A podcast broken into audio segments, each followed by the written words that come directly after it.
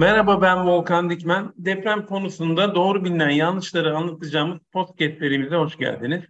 7.7 dakikada 7.7 megawatt isimli bu bölümde konuğumuz İSODER Genel Sekreteri Makine Mühendisi Timur Diz. Timur Bey hoş geldiniz. Hoş bulduk. Ee, bundan 23 yıl önce Amerika'da yapısal olmayan sismik koruma üzerine bir eğitim almıştım. Yaşadığımız bu son Maraş depreminde de New York'taydım.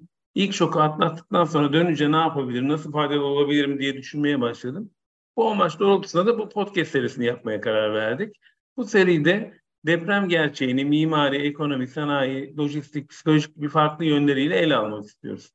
Bizi öldüren şeyin deprem değil de aslında binalar olduğunu düşünüyorum ve düşünüyoruz aslında. Ee, ve serinin bu bölümünde binanın temelindeki su yalıtımının depreme etkisini ele almak istedik. Ee, ilk sorum yapıların temelindeki su yalıtımı nasıl yapılmaktadır ve ne zamandan beri biz aslında Türkiye'de binalara su yalıtımı yapıyoruz temellerini? Şöyle, tabii ben biraz derneğimizden bahsedeyim. E, derneğimiz de 30 yıldır e, gerek ısı yalıtımı, gerek su yalıtımı, gerek ses ve yangın yalıtımı branşlarında kamuoyunu bilinçlendirmeye çalışıyor. Yani şimdi söyleyeceklerimizi kabaca 30 yıldır söylüyoruz. E, ve hani su hepimiz için yaşamsal öneme sahip bir e, madde olmasına rağmen binalarımızın ömrü açısından da çok tehlikeli ve zararlı bir madde. Temel olarak yapmamız gereken sadece temelde de değil, binalarımızı genel olarak suya maruz kaldıkları durumda ki onu da şöyle açalım. Suya maruz kalmama olasılığı yok binalarımız. Yağmur yağış, kar yağışı, bunun gibi etkiler. E, binanın içerisinde ıslak hacimlerde su kullanıyoruz. E, peyzaj alanlarının sulanması var. Dekoratif amaçlı havuzların içerisinde su biriktirilmesi var. E, yeraltı suları var. E, dolayısıyla yani ideal bir ortamda bizim yapımızın suya maruz kalmama olasılığı yok. Şimdi ülkemizde bir betonelme yapılaşma kültürü var. Depremden gelen, e, deprem dolayısıyla yaygınlaşmış olan. Bu betonelmede de e, taşıyıcı elemanların içerisinde demir donatılar var. Su bunlara sirayet ettiği zaman bu donatıların paslanmasına ve fonksiyonlarını yürütememelerine sebebiyet veriyor. İşte bu yüzden biz yani su yalıtımını e, kurulduğumuz 1993 yılından bu yana çok önemli olduğunu e, her platformda e, 30 yıldır anlatmaya çalışıyoruz. Şöyle bir iki aşamayı aktarayım. Örneğin su yalıtımı ile ilgili yönetmeliğimiz yine İzüder'in Çevre Şehircilik ve İklim Değişikliği Bakanlığı'yla beraber yaptığı çalışmanın sonunda e, 2007 yılında yayınlanabildi. 2017 yılında düzeltiyorum. Yürürlüğe de 1 Haziran 2018'de girdi. Yani bu kadar önemli bir konu e, yani yapıların suya karşı korunması ile ilgili konu ülkemizde yasal zorunluluk olarak e, 1 Haziran 2018 tarihinde yürürlüğe girdi. Yani bu çok yeni bir tarih. Toplam yapı stoğumuzun yüzde dördü beşi ancak su yalıtım yönetmeninden sonra yapılmış binaların statüsünde. Ama bu şu demek değil değil mi? Yüzde dördü beşi yönetmelik sonrası öncesindekilerde su yalıtımı yok diyemeyiz diyemeyiz. Öncesinde de su yalıtım vardı. Ama böyle önemli bir konuyu biz kurala bağlama işini 2018 yılının ortasında yaptık. 1 Haziran 2018'den itibaren yaptık. Belli kurallarımız var. Bir iki tanesinden bahsedeyim. Temelle ilgili olanlarından en azından bahsedeyim.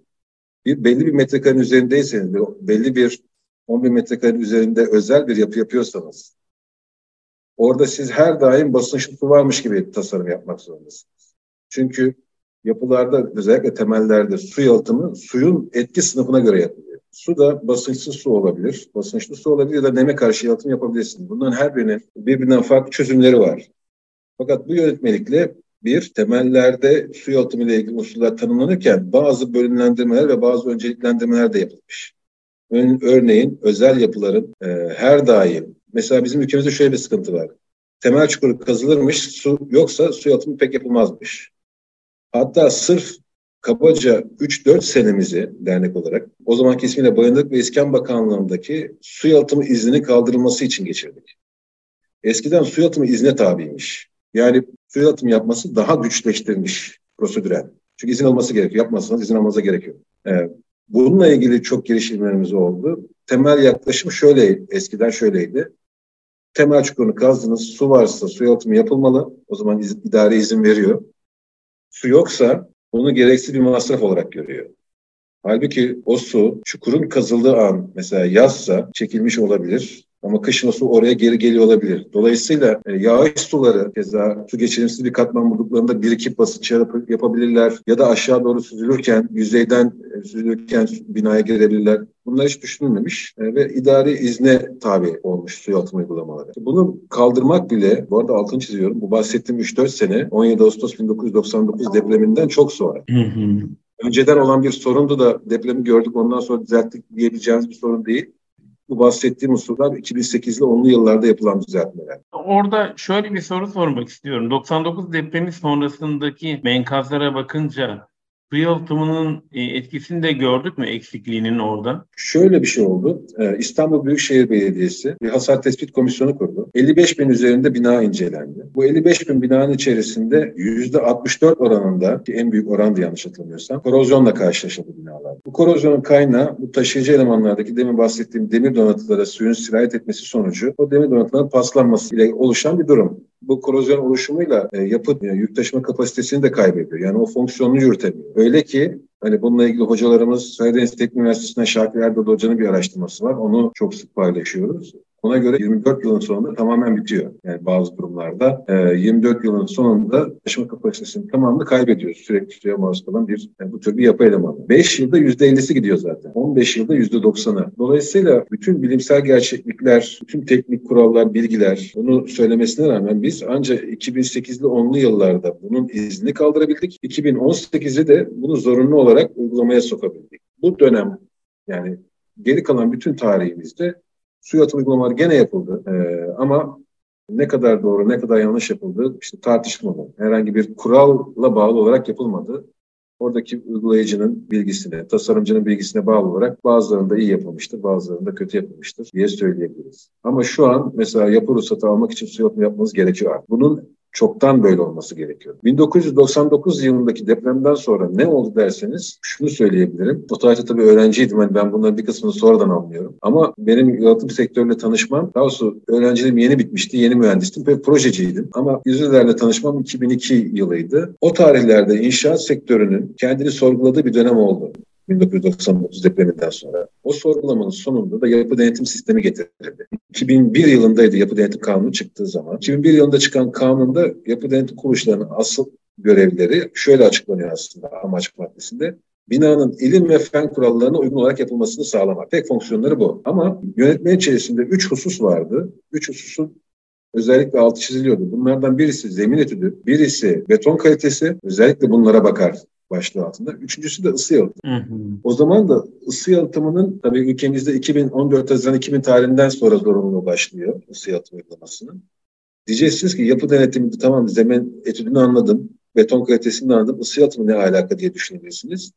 Isı yalıtımı bizde mesela diğer ülkelerden farklı olarak yoğuşma tahkikini de gerektiriyor. Yani binanın toprak üstü kotundaki yapı elemanlarının suya maruz kalması, yoğuşma dolayısıyla suya maruz kalması sorununu çözmek için de ısı yalıtımı en önemli unsurlardan bir tanesi. Ama biz de DS 825'te o tahkiki yapıyoruz aslında değil mi? Evet yapıyoruz Çok ama normalde mesela atıyorum Almanların TS805'inde yoğuşma tahkiki yoktur. Hı hı. Genelde bu tür şeylerde yani ısı yalıtımı ile ilgili kurallar malzemelerinde enerjiyle ilgili şeyler vardır. Bizim TS825 standardı karma bir standarttır. Yani hem enerjiyi hem bu tarafını yani yoğuşma tahkikini ele alır. Yoğuşma tahkikini ele almasının sebebi de ülkemizin deprem ülkesi olmasından gelir. Bu sebeple ülkemizde ısı yalıtımı zorunludur. Yani teorik olarak zemin etüdünüzü düzgün yaparsanız, düzgün beton dökerseniz, ısı yalıtımını da doğru yaparsanız bizim ülkemizde 2000 tarihinde hani bu da yapı denetim kuruluşlarının kontrolü sorumluluğuna verilmiş düzgün bina üretilirsiniz gibi bir sonuç çıkıyor buradan. Bu yönetmekte bu detaylar verildiği için yapı denetim kuruluşları kendilerini sadece bence hala bir sorun. Bu üç konuyla sınırlı tuttular. Sadece zemin etüdü, beton etüdü ve ısı yalıtımına bakmakla kendilerini sorumlular. Halbuki sorumlulukları aslında ilim ve fen kurallarına uygun olarak binanın yapılması idi. Ama şimdi de sorsanız yapı denetim kuruluşları birçoğu şey diyecektir. Biz zemin etüdünden sorumluyuz. Biz beton kalitesinden sorumluyuz.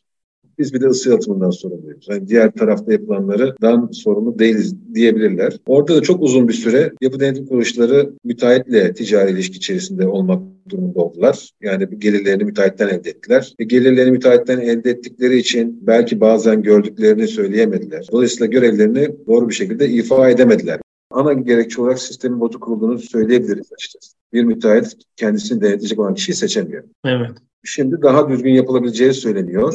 Ama şimdiye gelene kadar bir sürü bina yapıldı. Şimdi o bir sürü bina en son 6 Şubat'ta çok büyük bir depremle karşılaştı. Ve bir sürüsü de yıkıldı. 50 binin üzerinde insan hayatını kaybetti. Birçok binada tamamen yıkıldı. Yani bunlar hiç 2023 yılında Cumhuriyetimizin 100. yılında Türkiye'nin hak ettiği görüntüler değil açıkçası. Doğru. Yine de şöyle bir şey de aklıma geldi. Bu 90'lı yılları düşündüğümde 3 ya da 4 tane bitümlü membran üreticisi vardı. E, şu anda belki 40 tane var.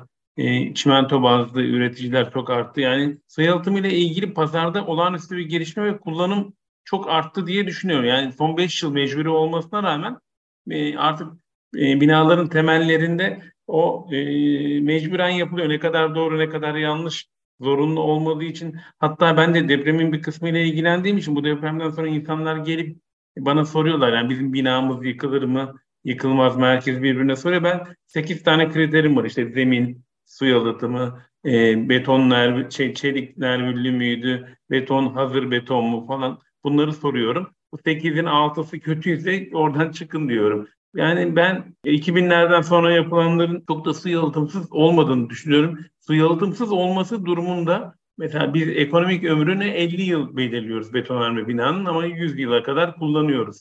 O 50 yıl 25'e mi düşüyor? O 5 yıl sonra yarı yarıya demir düştüğü için yani binanın temelinde su yalıtımı yoksa yıkılır mı bina? Gibi bir soru sorayım. Binanın temelinde su yalıtımı yoksa yıkılma olasılığı artar diyebilirim. Hı-hı. Yıkılır diyemem. Çünkü binanın nerede yapıldığı, betonun kalitesi gibi birçok şeyle de ilişkili. Ee, ama e, şöyle düşünün. Düzgün zemine, düzgün bir tasarımla, düzgün bir yapı inşa ettikten sonra o yapıyı suya karşı korumamak yani mantıksız. Korunmadığı durumda bu yapmış olduğumuz bütün başarılı diğer çalışmaların ömrünü kısaltıyor oluyor. Doğru. Sadece ömrün değil, bu ömrü kısalırken performansı da ömürle beraber kısalıyor. Bina kaç yaşındayken hangi şiddette depreme maruz kalacağını bilemediğimiz için kesin yıkılır diyemiyorum. Ama yoğun suya maruz kalan yapılar çok uzun süre suya maruz kalırlarsa çok büyük olasılıkla fonksiyonlarını yürütemezler diyebilirim. Yani su yalıtımı e, e, zorunlu artık. Bunu yapmak zorundayız ve bunu e, yaparak e, depreme karşı o saydığımız önlemlerden birini daha almış oluyoruz. Ve bu çok önemli. Yani aslında bu kısa podcastlerde e, vurgulamak istediğimiz konulardan biri de bu. Yani su yalıtımı yapmak zorundasınız ve bu sizi depremden de koruyacak, sudan da koruyacak. Her şeyi düzgün yapmak zorundasınız. Bu düzgün yaptığınız her şeyi de su yalıtımıyla korumak zorundasınız. Bizim suyu işte yapının çatısı olur, temeli olur, ıslak hacimlerde herhangi bir döşemesi olur ya da yoğuşma dolayısıyla cephesi olur fark etmez. Sudan yapıyı korumamız şart dışarıdan gelen sulara karşı, yağış sularına karşı e, bizim işte ne yapıyoruz? Çatıda eğim betonu ya da işte drenaj levhaları bir takım yönlendirmelerle suyu drenaj gibi bir alanlara yönlendirip oradan bir an önce binadan uzaklaştırmamız gerekiyor. İşte suyu bu yönlendirip binadan uzaklaştırırken yapının sınırlarından geçerken yapıya girmesini engellememiz şart. İşte orada da su yalıtımı devreye giriyor. Yani bunu bir sistem olarak ele almamız lazım bunun tahliyesiyle beraber, e, su yalıtımıyla beraber e, düşünmemiz gerekiyor. Yani su yalıtımında bir sistem olarak, bir sistem mantığıyla tasarlamamız gerekiyor. Ve hani diyorum ya zemin etüdünü düzgün yapıp, binayı düzgün tasarlayıp, düzgün ima ettikten sonra da e, işimiz bitmiyor. Onu korumamız gerekiyor. Yani korumazsak biz düzgün yaptığımız işleri e, düzgün bir şekilde hayata geçirememiş oluyoruz en azından zamanla performansını kaybediyor oluyoruz. Birçok yönüyle ele almak mümkün. Mesela çok düzgün bina yaptınız, çok düzgün zemine tuttunuz. 24 yıl sonra taşıyıcı donatılar fonksiyonunu kaybetti. Yani siz tasarladığınız ve başlangıçta inşa ettiğiniz binadan çok bambaşka bir bina içerisinde insanları tutmuş oluyorsunuz. Dolayısıyla e, hani bu tarafını yani işin koruma tarafını, performansın sürdürülebilir kılınması tarafını göz ardı edemeyiz. Dolayısıyla biz tüm yaptığımız doğruları doğru bir su yalıtımında korumak zorundayız. Şurada üzücü olan kısım şu, normalde bunu zorunda olmadan önce de yapıyor olmamız gerekirdi. Şimdi zorunda olduktan sonra yapıyor isek, zorunda olana kadar geçen sürede çok ciddi kayıplara maruz kalacağımızı düşünebiliriz. Şu an İstanbul Büyükşehir Belediyesi'nin İzmir depreminden önce yayınlamış olduğu, Kandilli Hastanesi'ne yayınlamış olduğu rapora bakın. 191 bin binanın yıkılmasından bahsediyor. Çok büyük bir miktar. Bunun altından kalkmak şehir olarak ya da ülke olarak çok kolay değil. E, o yüzden bir an önce bizim binalarımızın hangisini güçlendireceğiz, hangisini yıkıp yeniden su yalıtımı yapacağız. Bunlara karar verip hayata geçirmemiz gerekiyor. Yoksa çok İstanbul için en azından ya da Marmara bölgesi için çok iyi durumda olduğumuzu söyleyemeyeceğim. Teşekkürler e, çok e, katkınız için. Bu biz bir şeyleri zorunda olmadan e, yap, yapacak raddeye ne zaman gelir de onu bilmiyorum. Geçen gün bir video izledim. Avrupa'da ve Amerika'da çok vardır böyle açıkta kutularda gazeteler vardır. Siz bir dolar bir euro atarsınız. Açıktır gazete alırsınız. O bir Alman bir Türk e, Alman'a soruyor. Diyor ki yani işte bu insanlar parayı atmadan da alıp gidebilir. Alman cevap veriyor. Niye atmasınlar ki? Zorunda değilsek onu atmıyoruz aslında. Hayatta da zorunda değilsek o su yalıtımını yapmıyoruz. Bu podcastlerin amacı da aslında ortak akıla katkı sağlayarak gelecek için yapılacak tüm planları, yapıları deprem gerçeğini düşünerek yapmamız gerektiğini tekrar hatırlamak. Destekleyen bir şey daha. Su yalıtım yönetmeliğini hazırlarken Çevre Şehircilik ve İklim Değişikliği Bakanlığımızla yurt dışındaki örneklerini çok araştırdık. Özellikle Avrupa Birliği'ni. Bulamadık. Zaten yapılır. Ben onun benzeri bir hikaye ısı yalıtımda başıma gelmişti. Onu her yerde anlatırım. Hı hı. 2005 yılında Enerji ve Tabi Kaynaklar Bakanlığı'yla Akdeniz bölgesindeki ülkelerde enerji verimli projesi kapsamında Suriye'ye gittik. İşte Akdeniz bölgesindeki bütün ülkeler enerji verimli anlamda ne yaptıklarını anlatıyor. O tarihlerde de bizim elimizde sadece TS 805 var. E, efendim çift camlı pencere yapabiliyoruz. E, şişe cam var yani cam üretimimiz iyi. Isı yalıtım malzemesi üretebiliyoruz. Enerji verimli anlamda yapabildiğimiz bunlar. O zaman o tarihlerde PV yapamıyorduk. Yani eksiklerimiz de bunlar. Neyse Türkiye'de sunumu ben yapmıştım. Demiştim ki ülkemizde 14 Haziran 2000 tarihinden sonra ne mutluyuz ki ısı yalıtımı zorunlu hale geldi. O ben Hollandalı bir projede bir uzman, bir bey dedi ki ısı yalıtımı sizin faydanıza bir şey değil mi? Dedik evet faydamızda. O zaman dedi niye zorunlu? Herkes yapmak ister diye düşünüyor tabii o. E, hepimiz böyle durduk ve yani işte verdiğimiz klasik cevap ve 2-3 dakika bir sessizlik oldu. E işte bizde yapılmaz. İşte yapan başka, oturan başka gibi bir şeyler kıvırdık ama adam anlamadı. Neden böyle şeyleri zorunlu kılmak zorunda olduğumuzu anlatamadık. Bir Hollandalı bunu an, anlamadı yani neden bunun zorunlu olduğunu yani çözemedi. Tahmin ediyorum biz bu podcast'te anlatamayız onun neden zorunlu olduğunu. Ama en azından bu podcast'te e, bina, yeni bina alırken su yalıtımını kim yaptı, yaptı mı, e, bu zorunlu artık ve sizi depremden bile evet, koruyacak. Tavsiye ediyoruz. Yeni bina alıyorsanız mutlaka bodrum katına inin. Açıkta bir donatı görülüyor mu? Bir su izi, bir küf, bir tomurcuklanma. E, yani o tür bir suyun yarattığı bir olumsuz etkiyle karşılaşıp karşılaşmadığını da tüm tüketicilerimizin, tüm halkımızın yeni bina kiralarken veya alırken binanın bir zahmet bodrumuna da girip oraları da incelemelerini, kontrol etmelerini e, öneriyoruz. Açıkçası önemli bir detaydı. Hatırlattığınız için teşekkürler. Şu Biz de katkınız için çok teşekkür ediyoruz. Ee, hem su yalıtımı hem e, ısı yalıtımı hem ses yalıtımı hem yangın yalıtımının Türkiye'de gelişip e, zorunlu olmadan da yapılır hale gelmesini istiyoruz. Çok teşekkürler. Ben teşekkür ederim. İyi yayınlar.